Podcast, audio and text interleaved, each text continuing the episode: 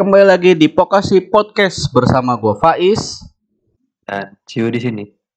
Oke, jadi kita kembali lagi di Pokasi Podcast episode ketujuh ya. Nah, ini kan di akhir tahun juga nih. Kira-kira kita mau bahas apa sih saya di akhir tahun ini? Oke, uh, di akhir tahun ini kita mau coba untuk apa ya istilahnya itu kayak semacam recap gitu ya selama satu tahun ini, selama empat musim yang udah dilewatin di 2021 ya, mulai dari winter, terus ada spring, uh, summer, sama ada fall. Nah itu kita mau coba untuk recap dari setiap musim itu di mana. Misalkan contoh nih di winter apa aja sih judul yang hype atau misalkan banyak diomongin di musim itu. Terus juga ditambah sama beberapa list tapi cuman dua di sini. Kita jadi ambilnya ada uh, anime favorit uh, karakter waifu favorit sama OST favorit. Nah, di sini nanti uh, gue sama Faiz tuh bakal nyoba untuk ngejelasin gitu ya, uh, anime karakter sama OST favorit kita di musim itu tuh apa gitu sama uh, mungkin alasan sedikitnya gitu. Kenapa misalkan si judul A ini uh, gue tuh suka gitu di musim itu. Terus kenapa karakter ini bagus sama kenapa musik ini bagus.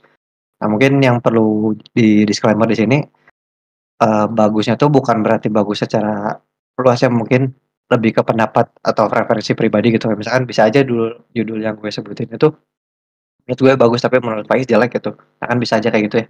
Jadi lebih ke preferensi setiap orangnya gitu. Terus untuk uh, waifu di sini tuh bukan berarti karakter yang paling apa ya istilahnya tuh paling eye catching di season itu gitu atau di musim itu tapi lebih ke kenapa sih karakter itu tuh ada pengaruhnya ke entah itu ke ceritanya ataupun menarik menurut kita gitu. Kalau lagu sendiri ini balik ke selera sih ya kalau misalkan kita ngomongin soal soundtrack di anime itu kan balik ke selera ya. Nah terus mungkin, uh, disclaimer tambahannya mungkin untuk yang di musim fall 2021 ya atau di musim ketika episode ini direkam karena, uh, di hari kita ngerekamin itu belum khususnya yang di fall 21 tuh belum semuanya tamat gitu, baru beberapa judul aja yang tamat. Jadi, uh, bisa jadi bukan bisa jadi sih, jadi kita ngambil anime favorit di musim ini tuh lebih ke Berdasarkan beberapa episode yang udah ada gitu sampai ke uh, yang kemungkinan ada di endingnya gitu. Jadi mungkin bisa aja setelah episode terakhirnya tayang tuh malah jadi berubah gitu, tapi ini kita ngambilnya berdasarkan, uh, episode terbaru ketika, uh, apa namanya, episode ini direkam gitu. Oh ya sama mungkin, uh, yang tadi kelewat ya, ini kita ngambilnya untuk anime karakter sama musiknya tuh cuman yang emang tayang di musim itu doang gitu. Jadi kayak misalkan, uh, One Piece, terus Boruto, Detective Conan kayak gitu nggak akan kita masukin karena kan itu udah tayang dari tahun kapan gitu ya, ada yang udah tahu tayang dari tahun 2000-an, ada yang dua tahun 90-an gitu. Jadi kita nggak akan nyebutin itu, tapi kita cuma nyebutinnya khusus untuk yang uh, tayang perdana atau pertama kali diputar di musim itu gitu. Nah, oke mungkin kita langsung coba masuk ke uh, recap pertama ya, dimulai dari musim winter 2021 dulu nih. Nah, mungkin bisa dimulai dari lu, lu dulu Is ngejelasin uh, anime waifu sama OST favorit sama mungkin temuan apa sih yang lo temuin atau ya temuan yang lo temuin di musim winter 2021 tuh? Yang hype-nya tuh apa terus yang menariknya tuh apa? Oke lah, kita masuk ke musim winter 2021 ya. Pertama-tama mungkin gue mau melihat uh, apa sedikit aja sih. Anime-anime yang gue perhatikan di Indonesia itu ramai dibahas dan ini emang banyak banget karena menurut gue list di Winter 2021 ini gila-gila sih ya. Itu ada kayak Shingeki no Kyojin, Horimiya, Musoku Tensei, Yakusoku no Neverland, terus ada Doctor Stone, Tensura, ada Rezero, Wonder Egg, Priority, Gotobu no Hanayome, dan masih banyak lagi. Ini menurut gue uh, untuk list yang di winter ya gila-gila dan semuanya rame gitu hampir semuanya rame gitu banyak banget dan mungkin di antara yang hype-hype ini juga ada yang akan gue sebutkan di uh, apa namanya di list gue gitu untuk yang kayak best anime atau favorit anime di winter terus di uh, si waifunya dan juga soundtracknya. Kalau gitu gue langsung aja mulai ya untuk uh, anime terbaik atau anime favorit gue di musim winter 2021 yang pertama itu adalah Tensei Sitara Srime Data Ken season 2 atau Tensura ya. Menurut gue di season 2 ini uh, ceritanya tuh semakin seru dan semakin menarik ya karena akhirnya menyajikan konflik yang lebih serius dan lebih dark daripada season 1 kalau menurut gue. Terus e, meskipun memang tetap dibalut dengan komedi yang cukup menghibur gitu ya. Dan untuk yang anime terbaik yang kedua, menurut gue adalah Horimiya. Nah, bisa gue bilang untuk saat ini, uh, Horimiya adalah anime romcom terbaik yang pernah gue tonton. Karena ceritanya ringan, eksekusinya bagus, walaupun terkesan banyak bagian yang di skip ya. Tapi gue tetap bisa menikmatinya gitu loh. Dan juga pembawaan masing-masing karakter bagus. Jadi walaupun judulnya Horimiya alias Horisan Tomiya Murakun, itu apa ya ceritanya tuh nggak selalu fokus di mereka gitu. Tapi ada juga cerita-cerita dari karakter-karakter yang lain. Itu menurut gue yang membuat anime ini bagus banget gitu. Dan romcom yang bagus juga gitu. Nggak apa ya nggak terlalu template kayak yang ya mengikuti template yang biasanya ya kalau gue lihat ya. Nah kalau gitu itu tadi e, dua anime terbaik di musim winter yang menurut gue atau yang jadi favorit gue gitu ya sekarang masuk ke waifu terbaik atau waifu favorit di winter 2021 yang pertama ada Kikuchi Fuka dari anime Jakuchara Tomozaki Kun. Uh, kalau buat gue ya, uh, dia tuh kan tipikal karakter yang kalem gitu ya, yang pendiam gitu kan. Dan gue ngerasa adem gitu kalau dia ngomong gitu kan si seiyunya menurut gue memerankan dengan cukup baik ya karakter si Fuka. Cuma yang gue sayangkan emang si Fuka tuh dikit gitu masuk di frame animenya gitu kan. Nah, terus kalau misalnya untuk yang kedua, yang waifu terbaik menurut gue adalah Nakano Nino dari Gotobung no Hanayome season 2. Perubahan karakter si Nino di season 2 yang menjadi semakin agresif dan sunderinya tuh kelihatan banget itu ya akhirnya membuat gue berpaling dari Ichika gitu. Yang tadinya di season 1 menurut gue itu ya waifu terbaik gue gitu. Ternyata pas di season 2 si Nino-nya berubah drastis tuh wah gila. Itu sih apa akhirnya menjadi menarik perhatian gue gitu. Oke, kalau gitu untuk yang terakhir soundtrack ya soundtrack terbaik di winter 2021 menurut gua. Kebetulan ini cuma ada satu ya, gua nggak nggak ngelis dua karena menurut gua ini yang paling asik dan paling apa ya, paling adem aja gitu. Gue denger gue suka banget, bahkan sampai gue putar berkali-kali. Yaitu ada lagunya dari Yoh Kamiyama yang berjudul Hirokosui. Ini adalah soundtrack opening dari anime Horimiya. Nah, kira-kira itu sih ya kalau misalnya dari gua, list dari gua untuk musim winter 2021. Kira-kira kalau lu sendiri bagaimana sih? List lu tuh seperti apa? Oke, winter 2021 ya. Ya sih benar tadi apa yang Faiz bilang di winter 21 ini bisa dibilang banyak banget anime yang bagus.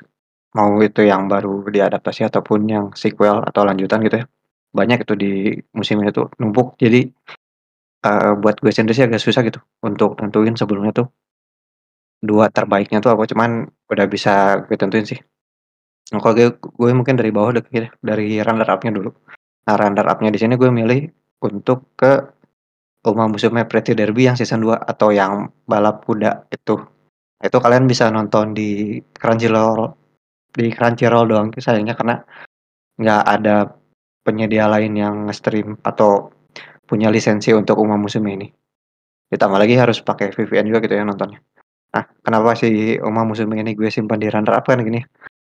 Uh, awalnya sih sempat kecewa ya karena ganti studio gitu dia untuk uh, ngerjain season 2-nya. Cuman setelah dicari ternyata studio yang season satunya itu si PA Works-nya masih bantu gitu dia bantu di bagian belakangnya gitu. Nggak dilepas untuk ngerjain season si season 2 ini.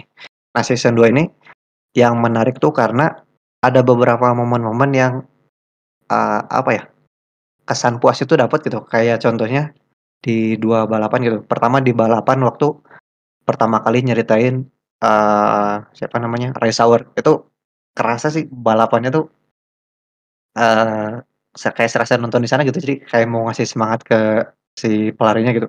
Dapat banget filmnya apalagi ketika uh, momen uh, Theo dia setelah cedera balik lagi. Balapan tuh ngena banget gitu karena. Nah terus yang bikin si season 2 ini bagus tuh karena uh, penempatannya yang bagus gitu.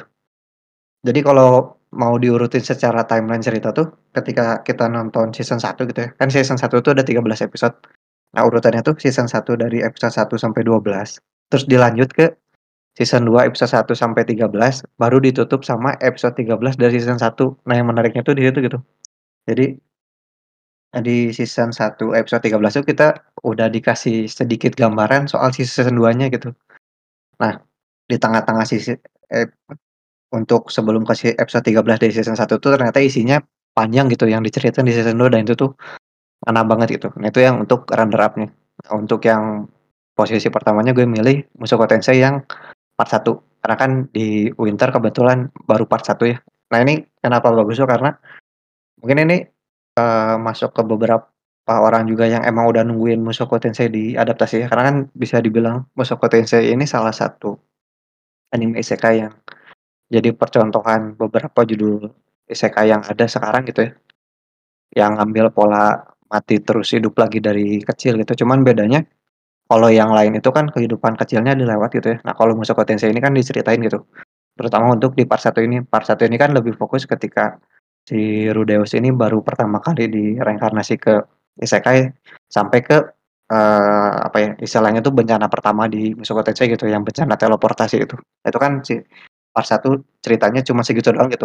Nyeritain Rudeus yang masih kecil ketika pertama kali datang sampai ke ada bencana teleportasi. Nah, kenapa ini bagus tuh karena uh, mungkin ini balik lagi karena gue fanboy Mushoku Tensei mungkin udah tahu ceritanya juga gitu, udah tahu endingnya kayak gimana. Jadi ketika diadaptasiin tuh uh, senang aja gitu. Terus ditambah lagi adaptasinya tuh bagus bagus dalam artian uh, pertama dari studionya gitu. Studionya sendiri si studio Bain ini ternyata dia dibuat khusus studio ini tuh pertama kali dibangun tuh emang untuk bikin Mushoku Tensei gitu. Jadi uh, jiwa si studionya kan tuh kerasa gitu kalau misalkan mereka emang niat banget kerjain Mushoku Tensei-nya. Ditambah lagi uh, Mushoku Tensei ini bisa dibilang anime yang gak punya lagu opening gitu. Gak punya lagu opening dalam artian lagu openingnya ada cuman si openingnya tuh diisi sama transisi dari setiap ceritanya gitu. Jadi nggak ada opening yang emang scene-nya itu-itu aja gitu, tapi setiap opening scene-nya baru gitu. Nah, jadi si ceritanya tuh dipadatin lagi gitu karena kan untuk cerita Mushoku Tensei sendiri emang panjang gitu untuk cerita masa kecilnya. Nah, itu untuk yang dua anime yang menurut gue bagus gitu di season eh sorry di winter 2021. Terus untuk waifu di sini gue milihnya tuh bukan berdasarkan visual aja kalau gue tuh lebih ke uh, penokohan si karakter sama uh, efek atau dampak yang ditimbulin dari si karakter itu ke cerita dari animenya gitu. Nah untuk yang peringkat kedua gitu ya di runner upnya gue milih ada Hayasaka Mei. Ini dari karakternya Idol Pride. Nah kalian bisa nonton ini di Funimation doang sayangnya. Nah ini kenapa si Hayasaka Mei ini menurut gue bagus tuh karena uh, apa ya ini tuh bisa dibilang tipikal karakter yang dia tuh bisa masuk ke mana aja gitu, untuk adaptasinya gampang, cuman bedanya tuh dia, uh, apa ya, kalau biasanya yang karakter kayak gitu dia cenderung cuek gitu atau nggak peduli sama sekitarnya gitu, asalkan dia bisa into ke, apa ya namanya tuh, silver itu doang gitu.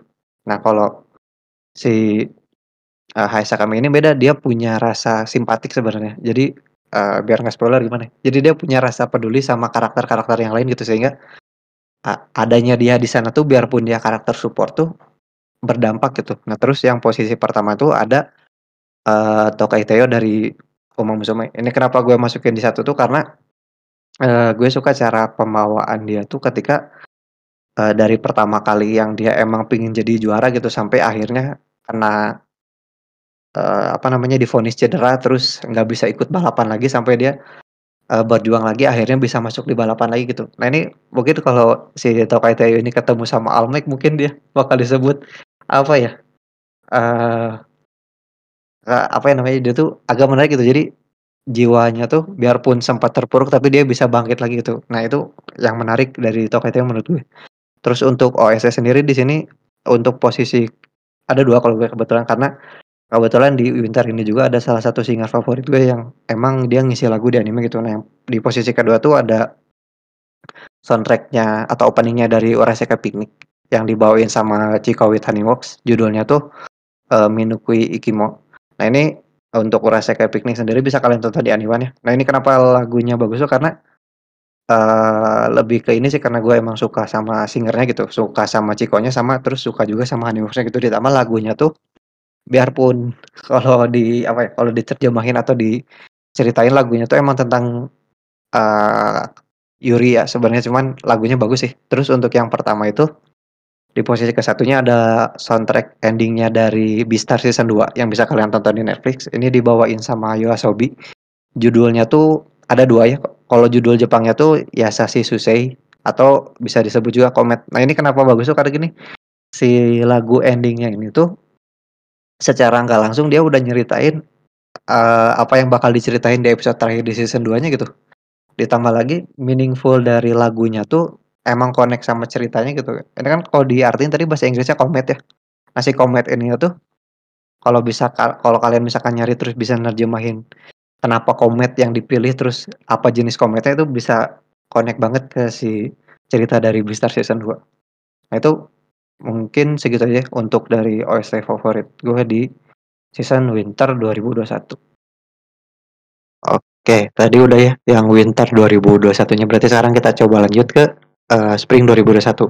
Nah, Spring 2021 ini bisa dibilang lebih adem gitu ya, nggak se uh, setauran musim sebelumnya gitu. Di sini bisa dibilang agak adem walaupun yang hype-hype-nya tuh agak keras sebenarnya. Mungkin di sini uh, yang gue sebut pertama ada Boku no Hero season 5 yang jelek banget tuh gak tahu kenapa jelek banget season 5 nya terus yang kedua ada Tokyo Revenger. Ini mungkin gak usah dijelasin ya kenapa Tokyo Revenger itu hype banget di musim itu. Terus yang ketiga ada Higehiro. Nah untuk Higehiro sendiri uh, mungkin kalau kalian mau tahu kenapa Higehiro ini bisa hype gitu ya kalian bisa coba dengerin lagi uh, episode pertama dari Pokasi Pocket Cast ini di situ gue sama Faiz pernah ngejelasin kenapa si Higehiro ini bisa hype waktu itu termasuk salah satunya dari karakter Sayu atau tokoh utama di Higehiro itu gitu. Nah mungkin kalian bisa dengerin ke sana kalau misalkan pengen tahu kenapa si Higehiro ini bisa hype. Terus yang keempat ada 86. Nah 86 sendiri sebenarnya lebih hype-nya tuh karena dapat adaptasi yang pertama sama yang kedua tuh sama karakter uh, siapa namanya ya yang rambut putih itu Lena kalau nggak salah apa siapa gitu nah, ya. yang bikin hype itu itu gitu terus sisanya tuh ada kayak fruit basket dia walaupun hype bukan hype sih sebenarnya dia agak ramainya tuh ketika tamat gitu sama uh, ada Sumasun Valkyrie atau Record of Ragnarok yang disebut anime PowerPoint kemarin itu. Nah, itu sih yang setemu gue gitu ya yang hype banget atau naik di Spring 21 itu. Nah, kalau pilihan gue sendiri uh, biarpun tadi gue bilangnya gak terlalu masif ya untuk si Spring ini cuman sebenarnya gue sendiri agak rumit sih atau agak kesulitan milih si dua terbaik di musim ini tuh karena konten kontendernya tuh ada banyak gitu yang bisa masuk. Cuman di sini gue nyebutin dua sama mungkin ada satu honorable mention yang kenapa gue sebutin di sini karena uh, ini bukan anime sebenarnya atau bisa disebut ini anime Jepang atau eh anime Cina atau kalian lebih kenal dengan sebutan Donghua. Cuman kenapa gue sebutin di sini karena ini bisa jadi nanti ngerubah si cara bikin anime atau misalkan cara si anime itu diceritain gitu nanti gue coba jelasin Oke untuk yang ini mungkin gue mulai dari nomor satu mungkin ya. Nah untuk yang nomor satunya tuh ada Fruit Basket The Final. Ini kalian bisa tonton di Ichi ya. Kalau misalkan kalian pengen nonton Fruit Basket ini. Yang dari season 1 sampai final ini walaupun harus pakai yang VIP gitu ya untuk nontonnya. Ini kenapa uh, apa namanya kenapa si Fruit Basket ini gue simpan di nomor satu karena gini. Uh, pertama dia pakai kata final untuk judul yang emang bener-bener udah tamat gitu. Terus si season terakhirnya tuh apa ya, pertanyaan-pertanyaan yang di season 1 sama season 2 tuh kejawab semua gitu, ditambah, uh, gimana ya, apa yang dibuat di setiap karakternya tuh, uh, hasilnya ada gitu. Jadi si season finalnya ini tuh emang, uh, perjalanan kita dari nonton di episode 1 sampai ke terakhir berapa ya, 71 apa 51 gitu ya. Di situ tuh kita emang dapat banget gitu. Jadi seolah kita emang hidup di dalam ceritanya gitu. Ditambah lagi kan Fruit Basket ini bisa dibilang adaptasi dari manga jadul yang emang salah satu manga terbaik di eranya gitu. Terus ini ditulis sama author cewek juga gitu. Nah, terus ya untuk yang kedua di sini ada uh, anime original buatannya Wit Studio.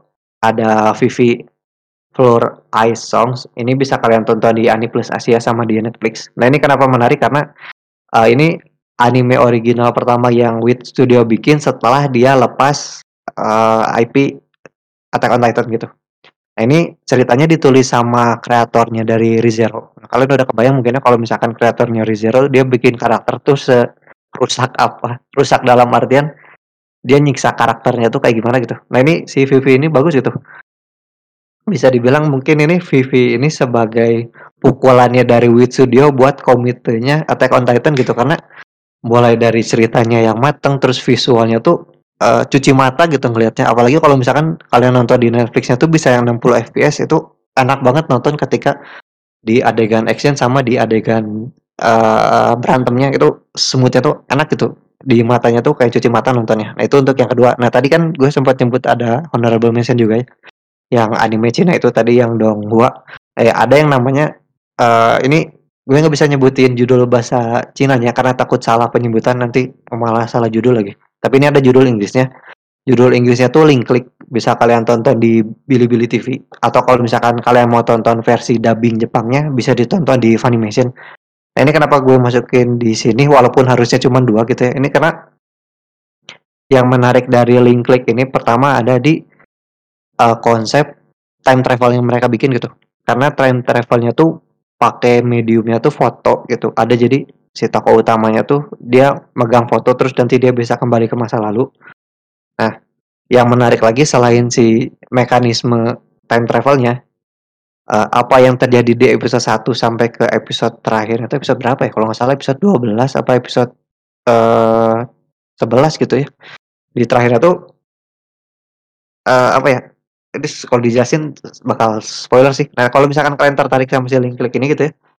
Ini tuh menarik karena plot twistnya tuh agak gimana ya? Agak bikin kagetnya tuh parah gitu. Jadi apa yang kita dapat di episode 1 tuh bisa dibilang ngaruh ke semua episode gitu. Nanti kalau misalkan kalian penasaran gitu dan nggak masalah sama dubbingnya yang Cina gitu ya, ditambah anime Cina juga gitu. Nah kalian mungkin bisa coba nonton di Bilibili. Nah ini uh, tadi kenapa gue bilang bisa bikin anime juga berubah haluan? Karena sampai hari ini gitu ya si link klik ini kalau misalkan kita lihat di My Anime List dia masih ada di nomor satu sebagai top anime on series atau bisa dibilang anime yang tayang di uh, apa namanya secara online gitu ya.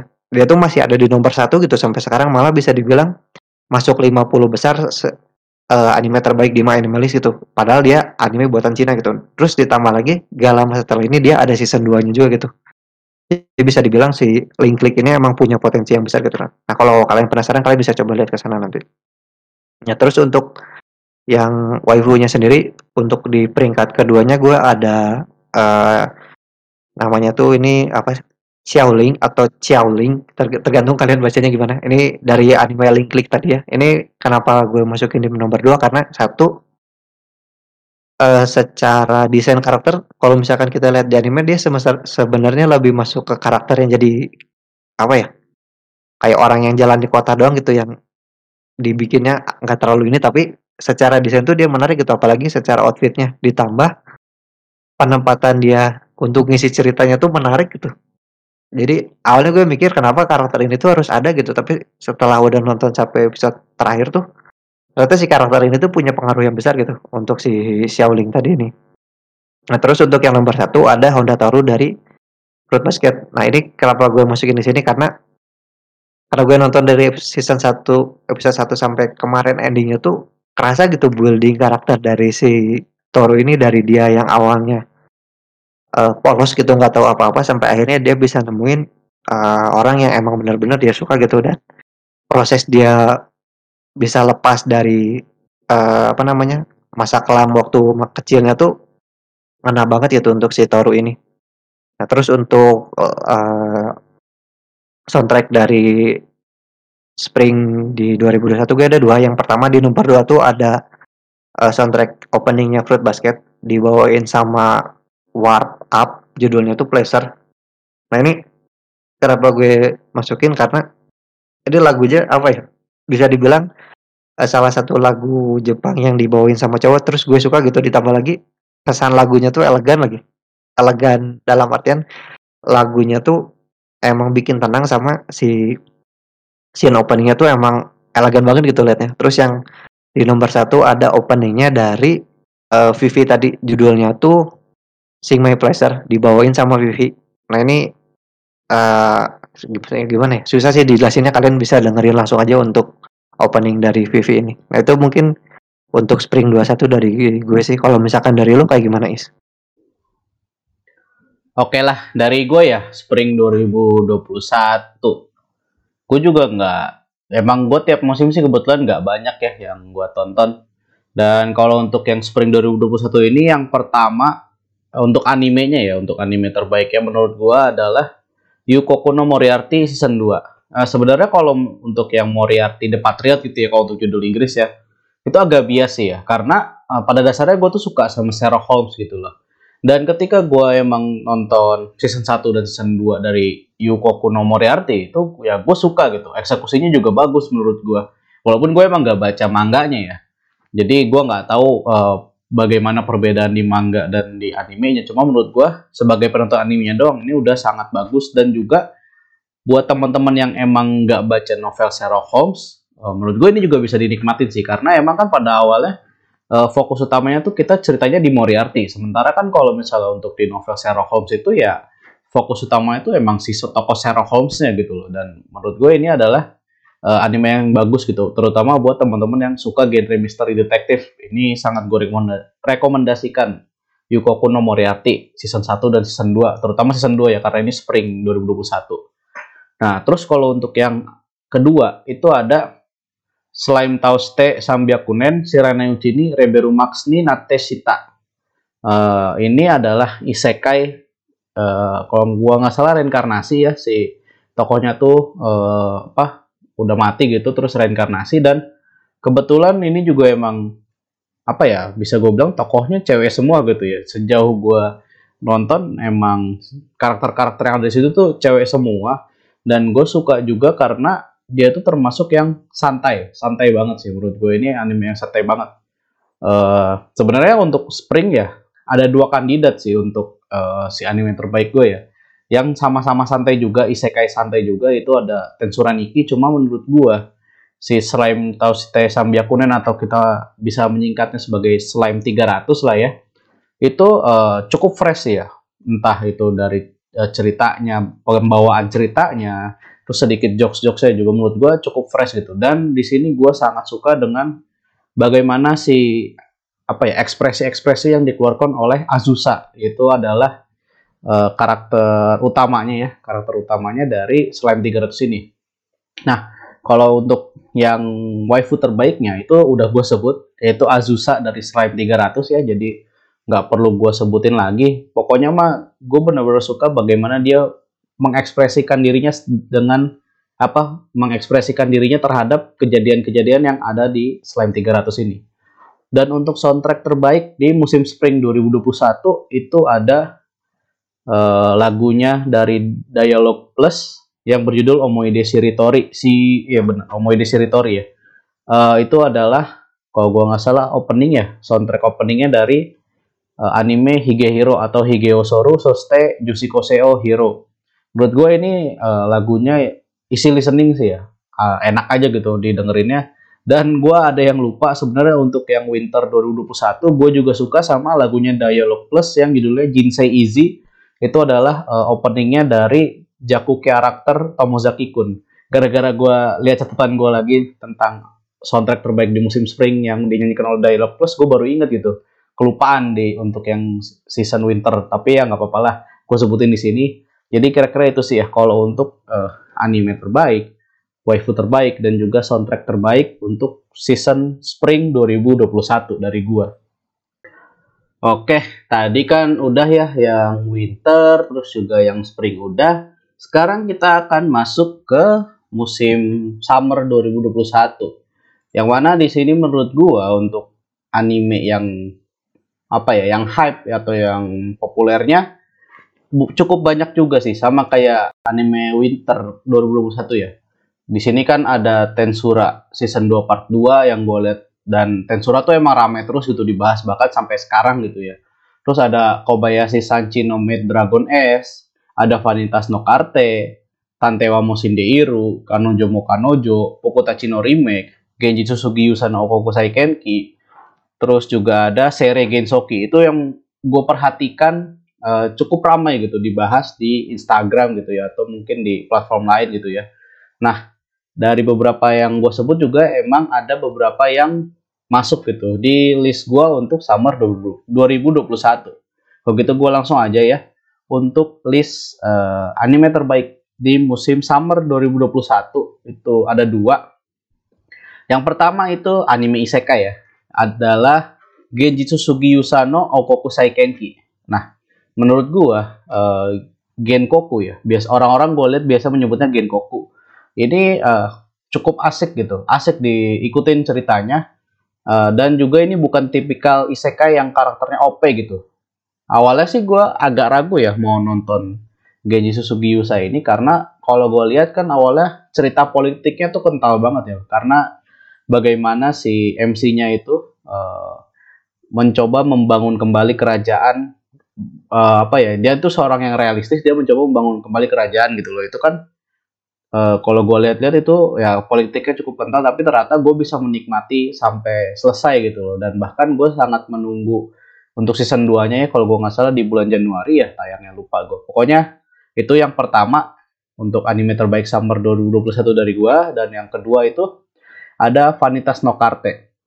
Sebenarnya uh, gua itu kurang suka dan kurang cocok sama genre supernatural. Tapi nggak tahu ya, ada pengecualian kalau genrenya itu uh, vampir gitu loh. Kalau vampir gue masih bisa masuk gitu, walaupun gue tetap pilah-pilah dan Vanitas No Carte ini menurut gue adalah salah satu supernatural vampir yang ceritanya bagus juga sih menurut gue ya. konfliknya juga menarik gitu dan gue bisa menikmati uh, si Vanitas No Carte ini gitu. Bisa menikmati walaupun memang ada apa ya ada kayak sedikit unsur bisa gue bilang ya dibilang bromance pun bisa gitu. Atau mungkin ada sedikit unsur yang menganggap kalau ini boys love juga antara si Vanitas dan si siapa sih itu karakter cowok yang satunya lagi tuh. Banyak yang apa ya banyak yang memandang sebelah mata kualitas Nokarte karena dianggapnya tuh ini agak sedikit ada unsur boys love-nya gitu atau bromance-nya tuh yang agak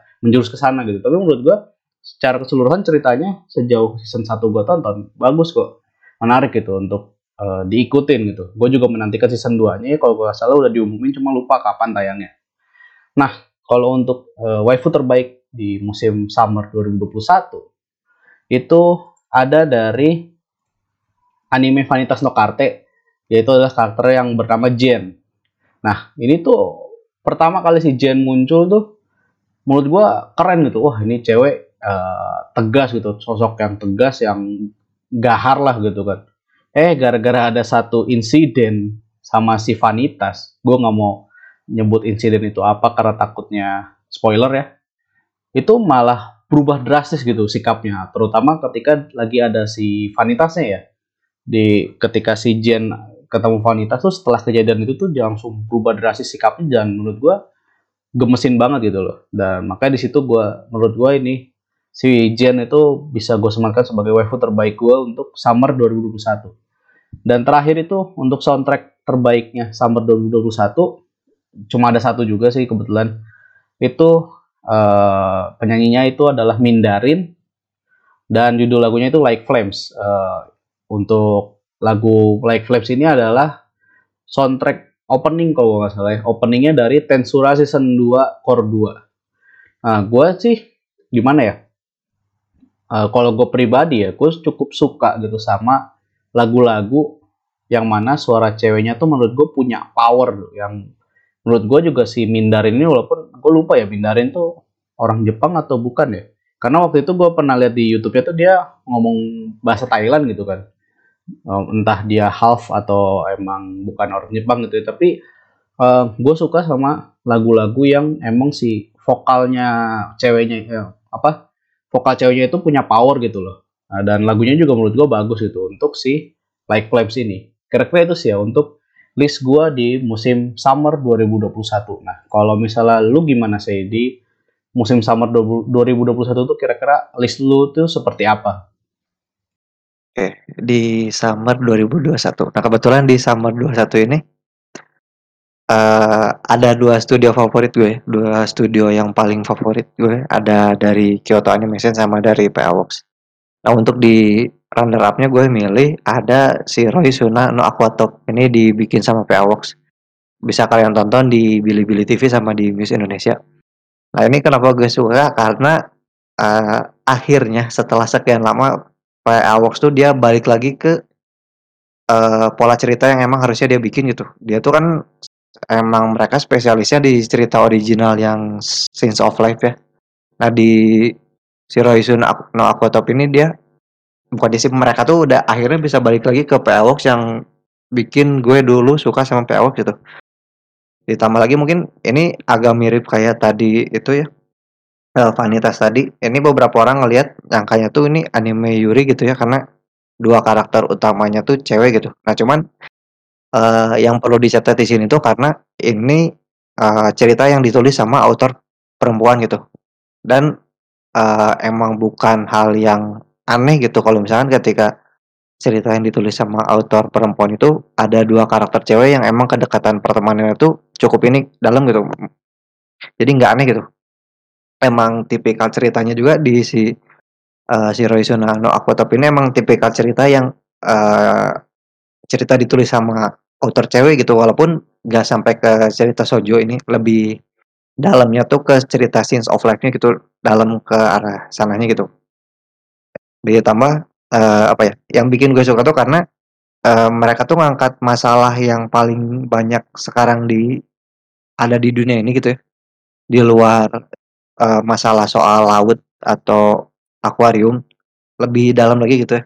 Mereka tuh ngangkat soal masalah, eee, susahnya orang untuk keluar dari zona na zona nyaman gitu atau, eee, berpikir untuk nyoba hal baru gitu. Nah, sebenarnya si Shiroizuna no Aquatop itu kalau gue lihat sampai kemarin episode terakhir ya, di episode 24-nya tuh yang coba mereka mau kejar tuh ke sana gitu, eee, arah scenes of life-nya tuh bukan ke tentang pelestarian lingkungan laut-lautnya, tapi lebih ke gimana kita caranya untuk keluar dari zona nyaman kita gitu, untuk, eee, belajar hal baru, terus untuk milih, eee, ini kita harus ke belok ke opsi A atau tetap diam di tempat sekarang gitu. Nah itu pembawa si ceritanya bagus gitu, walaupun emang nggak semua orang bisa cocok ke cerita kayak gini. Terus untuk di posisi pertamanya ada Koi Kobayashi-san Chi Might Dragon Season 2. Nah, ini bisa kalian tonton di Bilibili TV. Ini dibikin sama KyoAni yang, eee, ini apa ya, suka agak sedih juga ya sebenarnya karena, eee, Kobayashi-san Season 2 ini bisa dibilang, eee, comeback-nya KyoAni setelah bencana, eee, pembakaran yang beberapa tahun lalu gitu. Karena kan setelah pembakaran itu KyoAni nggak ngeluarin anime sama sekali ya, kecuali movie Violet sama Free kalau nggak salah. Nah, di Kobayashi-san ini juga mungkin sekaligus, eee, nambahin gitu ya, eee, beberapa staff yang ngerjain Kobayashi-san Season 2 ini bisa dibilang di eee, insiden kebakaran itu banyak yang berpulang ya. Jadi bisa dibilang Kobayashi-san Season 2 ini sebagai penghormatan kepada para staff yang, eee, berpulang ketika si anime ini udah selesai gitu. Nah, ini kenapa bagus di luar yang tadi, eee, dukanya ya. Untuk yang happy-nya tuh gini ya, karena kalau kita nonton KyoAni tuh, biarpun kita nonton di 24 fps tuh rasanya tuh, eee, smooth-nya tuh smooth 60 fps gitu ditambah, eee, KyoAni ini kan emang bukan spesialis di anime action ya, lebih ke anime drama sama, eee, apa namanya tuh, drama sama scenes of life, tapi sekalinya mereka bikin, eee, scene action-nya tuh gimana ya, eee, dari tone warnanya tuh enak, terus kesan fantasinya tuh dapet gitu. Kalau misalkan, eee, ngebandingin mungkin kalau misalkan kita lihat Ufotable dari Fate series sama di Demon Slayer itu kan lebih ke gimana mereka ngandalin si CGI eee, CGI-nya gitu ya, 3D-nya untuk bikin si efek visualnya. Nah, kalau di KyoAni ini mereka pakai pendekatan 2 dimensi tapi input-nya tuh sama gitu. Itu sih yang anime, eee, terbaik di Summer 21. Terus untuk, eee, waifu sendiri eee, ada 2 ya, di runner up-nya tuh ada Mitsui Honoka dari Moukoukou no Youtosei yang bisa kalian tonton di Bilibili. Ini kenapa gue masukin karena sesimpel, eee, karena dia Honoka, udah gitu aja. Terus yang di posisi pertamanya ada, eee, Katarina Claes atau Bakarina kalau misalkan kalian lebih sering dengernya. Dia tokoh utama di Hamefura. Bisa kalian tonton di Bilibili, Ichihi, sama di Crunchyroll. Kenapa gue masukin Katarina di nomor 1 tuh karena gini ya, eee, Katarina tuh bisa dibilang dia karakter yang agak, ah, apa ya, agak ya sesuai sebutan lainnya gitu ya, Bakarina gitu ya, agak baka gimana gitu, tapi dia nggak ngerusak pace ceritanya gitu, malah bikin si ceritanya tuh eee, fun-nya dapet, terus kesan depresinya juga dapet. Karena kan, eee, di season 2 ini lebih ke kesan depresinya lebih dalam gitu ya, lebih banyak yang depresinya, tapi biarpun dia agak komedi tapi tetap kena gitu untuk si Bakarina ini. Nah terus untuk, eee, soundtrack sebenarnya di Winter eh sorry di Summer 21 ini menurut gue nggak ada soundtrack yang bagus ya atau yang enak cuman ternyata, eee nggak lama dari itu, eee, gue nemu kalau ternyata, eee, Chiko with Chiko with Honeyworks ini ngisi soundtrack di Summer 21 ini. Dia ngisi ngeluarin lagu yang namanya Gamusara untuk ngisi soundtrack anime yang harusnya nggak ada. Jadi dia ngisi soundtrack untuk opening ke-9-nya dari Boruto, Naruto Next Genera Next Generation. Nah ini untuk lagunya sih sebenarnya bagus ya, biarpun animenya nggak perlu ada sebenarnya. Eee, tapi untuk lagunya sih benar-benar bagus. Kalian bisa coba dengerin nanti di channel YouTube-nya Honeyworks ya untuk tahu si cerita story dari lagunya gitu. Kalian nggak usah lihat, eee, soundtrack di opening Borutonya, nonton di YouTube Honeyworks-nya aja karena lebih bagus di sana gitu, ceritanya juga lebih bagus. Nah paling gitu sih untuk, eee, Summer 2021 dari gue. Oke, kita udah sampai di yang bagian terakhir ya, untuk di Fall 2021 atau di musim ketika episode ini direkam. Nah, di musim ini tuh emang beberapa belum beres ya, yang kayak tadi udah sempat gue sebutin di awal. Beberapa ada yang udah beres memang, tapi ada juga yang masih belum selesai gitu, ada yang 1 episode lagi, ada yang 2 episode lagi baru tamat. Nah, untuk yang musim ini sih sebenarnya bisa dibilang cukup tenang ya sebenarnya karena, eee, ramenya tuh di fanbase-nya masing-masing gitu, nggak saling senggol fanbase lainnya, cuman ada beberapa yang emang hype karena beberapa hal gitu, kayak misalkan contoh Komisan. Nah, Komisan ini hype karena akhirnya dia dapat adaptasi gitu sama, eee, ada kasus yang salah translate itu gitu, yang harusnya masalah komunikasi itu yang ternyata ditranslate jadi, eee, mohon maaf ya, komunis gitu. Nah, itu kan agak salah gitu ya, itu sempat rame. Terus ada Attack of Destiny. Nah, ini sebenarnya ramenya agak aneh ya, karena dari Take Off ini banyak orang yang baru tahu kalau ternyata si anime ini dikerjain secara outsourcing gitu karena, eee, ini kan kalau misalkan sebuah produk dikerjain secara outsourcing sebenarnya nggak aneh gitu ya, cuman entah kenapa gara-gara Take Off ini orang-orang baru pada tahu gitu. Ditambah lagi sebenarnya si Take Off ini kalau secara cerita mungkin bagi orang yang lihat biasa aja gitu, tapi secara filosofi sebenarnya mereka dalam gitu ya. Terus yang ketiga tuh ada Mieruko-chan. Yang ini tuh ramai karena banyak yang protes, eee, karena si adegan ecchinya ter eh sorry, adegan ecchinya itu terlalu nutupin horornya gitu, walaupun senonton gue sih biasa-biasa aja gitu ya, ecchinya juga nggak terlalu berlebihan gitu, horornya ya horornya sih emang agak parah sih itu gambarnya, cukup creepy gitu, tapi keluhan soal si ecchinya gue nggak dapet, kenapa gitu. Terus yang keempat tuh ada, eee, ini judulnya panjang sebenarnya, tapi dia punya judul pendeknya tuh, eee, ada Ansatsu Kizoku. Nah, ini yang soal pembunuh reinkarnasi itu. Nah, ini heboh tuh karena kalau nggak salah karena haremnya sih kalau nggak salah, dia tuh ramenya sama. Terus ada 86 Part 2, eee, Delay of the Year gitu ya. Ini mungkin ramai karena tadi itu ya, eee, akhirnya animenya eh, light novelnya diadaptasi sama eee, kebanyakan delay gitu untuk 86 ini. Sama yang terakhir mungkin ada Kaginado, walaupun Kaginado ini, eee, ramainya karena agak aneh gitu ya, karena Eee, kalau misalkan kita dilihat sebenarnya kan Kaginado ini cerita kumpulan cerita dari anime-anime legend ya, kayak misalkan ada Kanon, ada Clannad, cuman banyak orang yang nggak tahu kalau Kaginado itu anime apaan gitu.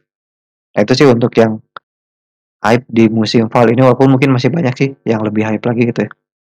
Nah, oke, masuk ke yang list-nya ya. Kalau misalkan dari gue sendiri eee, sebenarnya gini ya, waktu gue nulis bikin list ini sebenarnya udah kebayang gitu ya untuk judul 2 judul yang dipilihnya, cuman setelah beberapa nonton beberapa episode terakhir ataupun episode 11 di beberapa judul sempat agak berubah, tapi untungnya masih sama gitu ya. Nah, jadi untuk di si runner up-nya ada Mushoku Tensei Part 2. Nah, ini mungkin gak usah dijelasin lagi ya, karena tadi udah dijelasin di musim-musim sebelumnya gitu ya untuk Mushoku Tensei ini.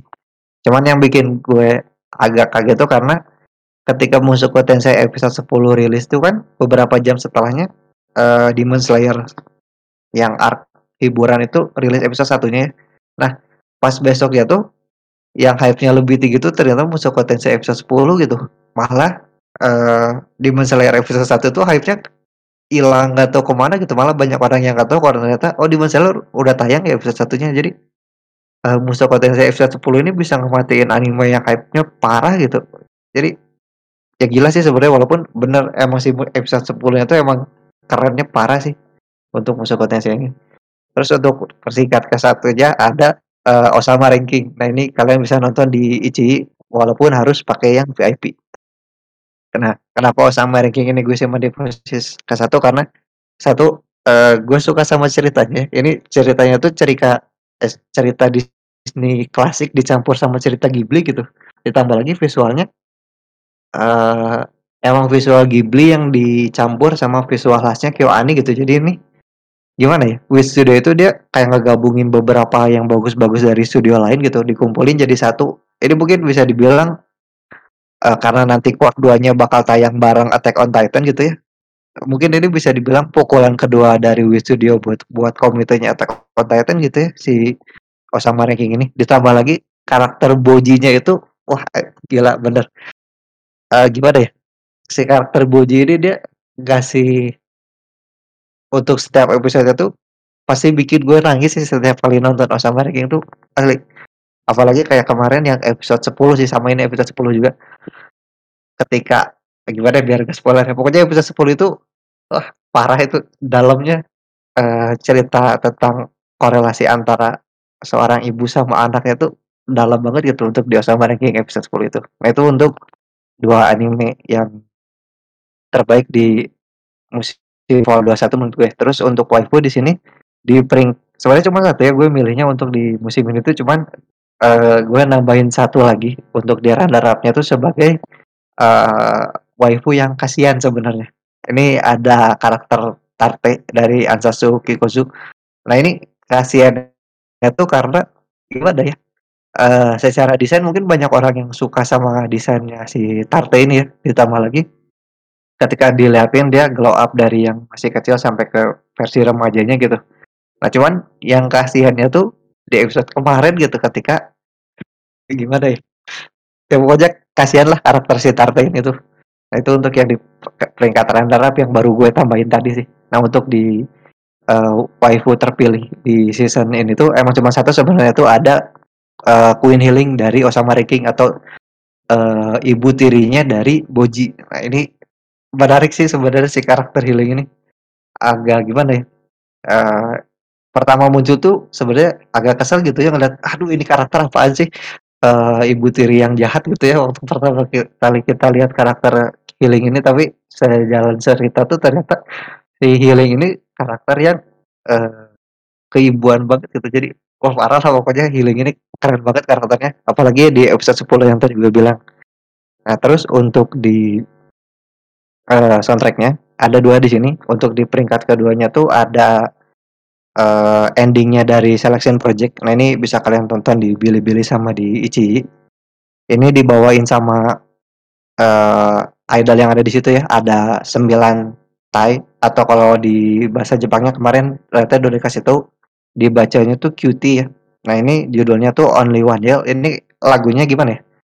Dari semua anime idol yang ada di tahun 2021 tuh bisa dibilang lagu Only One Yell ini tuh yang paling benar gitu, yang paling enak sama terngiang di kepala gitu, apalagi si uh, uh, apa namanya tuh ref musiknya gitu. Nah, terus untuk peringkat ke satu aja masih sama kayak tadi kan tadi animenya tuh ke satu dari Osama Ranking, terus waifunya Osama Ranking juga. Nah untuk soundtracknya juga masih dari Osama Ranking.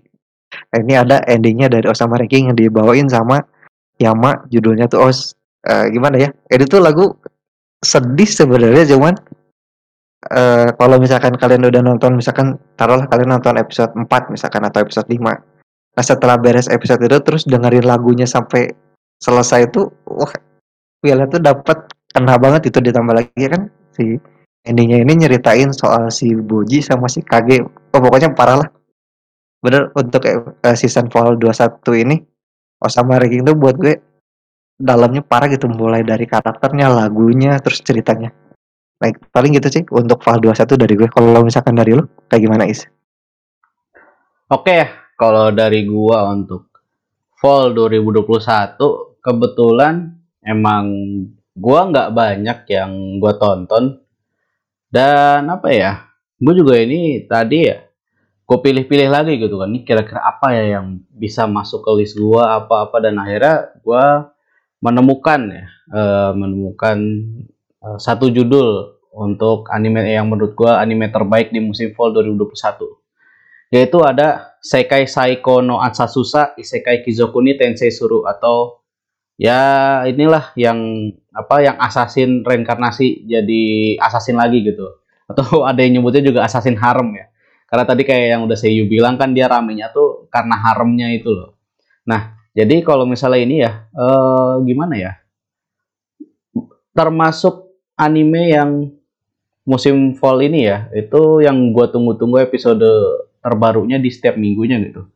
Gue nggak bisa jelasin kenapa, cuma menurut gue juga emang di si jalan ceritanya cukup menarik buat gue apa ya buat gue uh, ikutin terus juga bagaimana si Luke Luke-nya itu adalah karakter utamanya bagaimana dia itu ibaratnya merekrut uh, Tarte dan Maha untuk menjadi bawahannya terus juga bagaimana cerita yang menurut gue cukup menyedihkan sih. Uh, ibaratnya masa lalunya Maha dan Tarte itu apalagi Maha ya itu agak spoiler sebenarnya. Cuma emang itu tuh gue sangat tidak nyaman ketika menonton episode di mana menceritakan masa lalunya Maha. Itu parah banget menurut gue wah anjir gue udah hampir hampir gue drop gara-gara gue nonton episode itu gitu. Tapi akhirnya setelah adalah gue coba dulu pas tonton episode berikutnya ternyata aman gitu udah aman lagi gitu loh itu bener-bener untuk yang masa lalunya Maha tuh episode itu tuh yang hampir membuat gue eh, nggak uh, jadi apa ya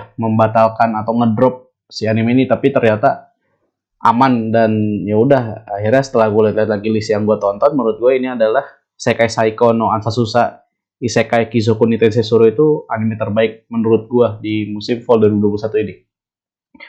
Nah, kalau untuk waifu-nya ya, ini ada Yotsuya Miko dari Mieru Kochan. Sebenarnya gue nggak nonton sih. Gue nggak nonton Mieru Kochan, tapi kadang kan gue suka apa ya browsing ya di explore IG atau enggak di video Facebook ya. Dan gue tuh suka kadang melihat cuplikan-cuplikan uh, dari anime-anime gitu kan. Dan salah satunya karena emang cukup ramai juga sih Mieru Kochan ini dibahas di IG gitu kan. Gue lihat cuplikan-cuplikannya dan menurut gue gimana ya? Uh, eh, gue suka sih sama bagaimana si Mi, si Miko itu me, apa ya mengeluarkan ekspresi-ekspresi ketika dia takut ya ketika dia apa dia apa menurut gue ekspresinya menarik dan lucu gitu. Jadi makanya gue cukup suka ketika melihat si Miko ini apalagi nggak tahu ya menurut gue emang penggambarannya uh, Miko di anime itu cakep gitu loh visualnya ya. Nah, terus kalau untuk yang kedua ini datang dari Sekai Saiko no Ise, Isekai Kizoku ni Tensei Suru. Kalau tadi kan si Seiyu uh, menyebutnya Tarte ya, ya, waifu yang kasihan sebenarnya. Gue gue paham sih ya kenapa karena di episode 11 tuh emang kasihan banget itu kerasa banget si Tarteya tuh kasihan ya. Tapi kalau untuk eh, waifu terbaik gue itu justru Maha gitu, karakter Maha. Itu kan sama ya sebenarnya kayak Tarte tuh ada bagaimana di masa lalu tuh akhirnya dia setelah gabung dengan keluarganya si Luke itu glow up-nya. Tapi di sini gimana ya? Si si Maha itu kan kalau di animenya itu dia sebenarnya berperan sebagai imotonya Luke lah. Jadi kayak diangkat sama si Luke sebagai adiknya gitu. Tapi uh, gimana ya? Uh, aura yang dikeluarkan oleh si Maha itu tipikal onesan banget gitu loh. Jadi padahal si Maha itu adalah uh, di apa ya diangkat sebagai adiknya Luke, tapi auranya dia tuh onesan parah gitu. Dan menurut gua di antara tiga heroin yang ada di apa Sekai Sekai Saiko no Ansasusa paling menarik itu adalah si Maha ini kalau buat gue pribadi ya.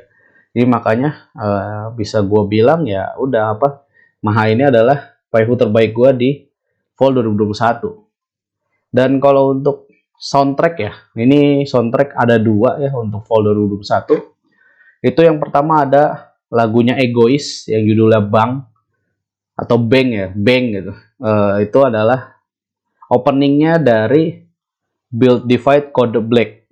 Itu adalah anime apa trading card game sebenarnya.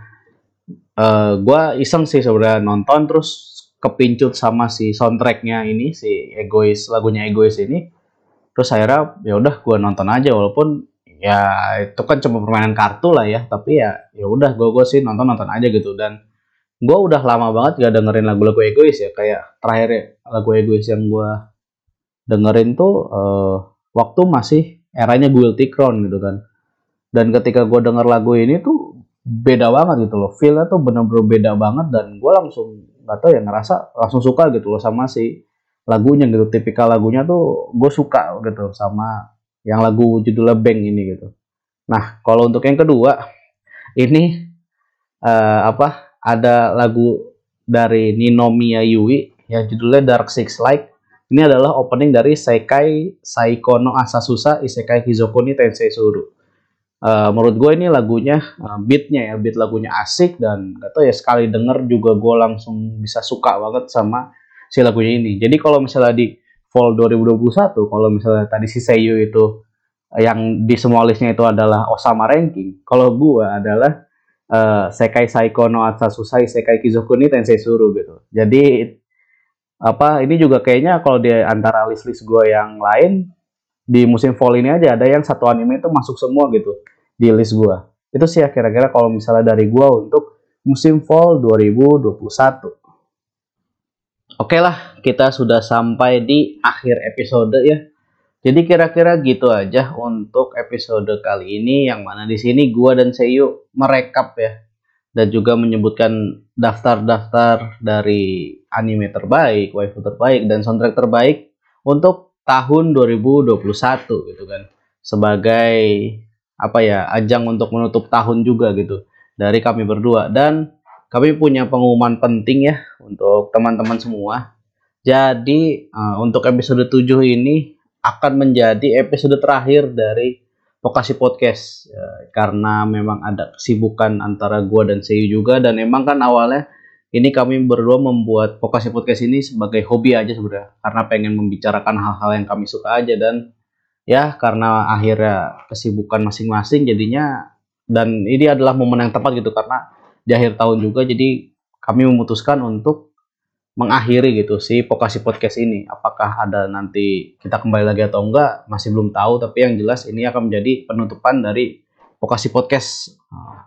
Jadi eh, gue dan Seyo ingin mengucapkan terima kasih banyak buat teman-teman yang udah ngikutin kami dari awal episode perkenalan sampai dengan episode kali ini ya. Uh, terima kasih banyak buat dukungannya juga buat teman-teman semua Uh, kalau begitu ya mungkin sampai di sini aja. Gua Faiz dan juga Seyu yang sudah menemani gua selama 7 episode ini. Kami berdua pamit dan sampai jumpa lagi. Bye.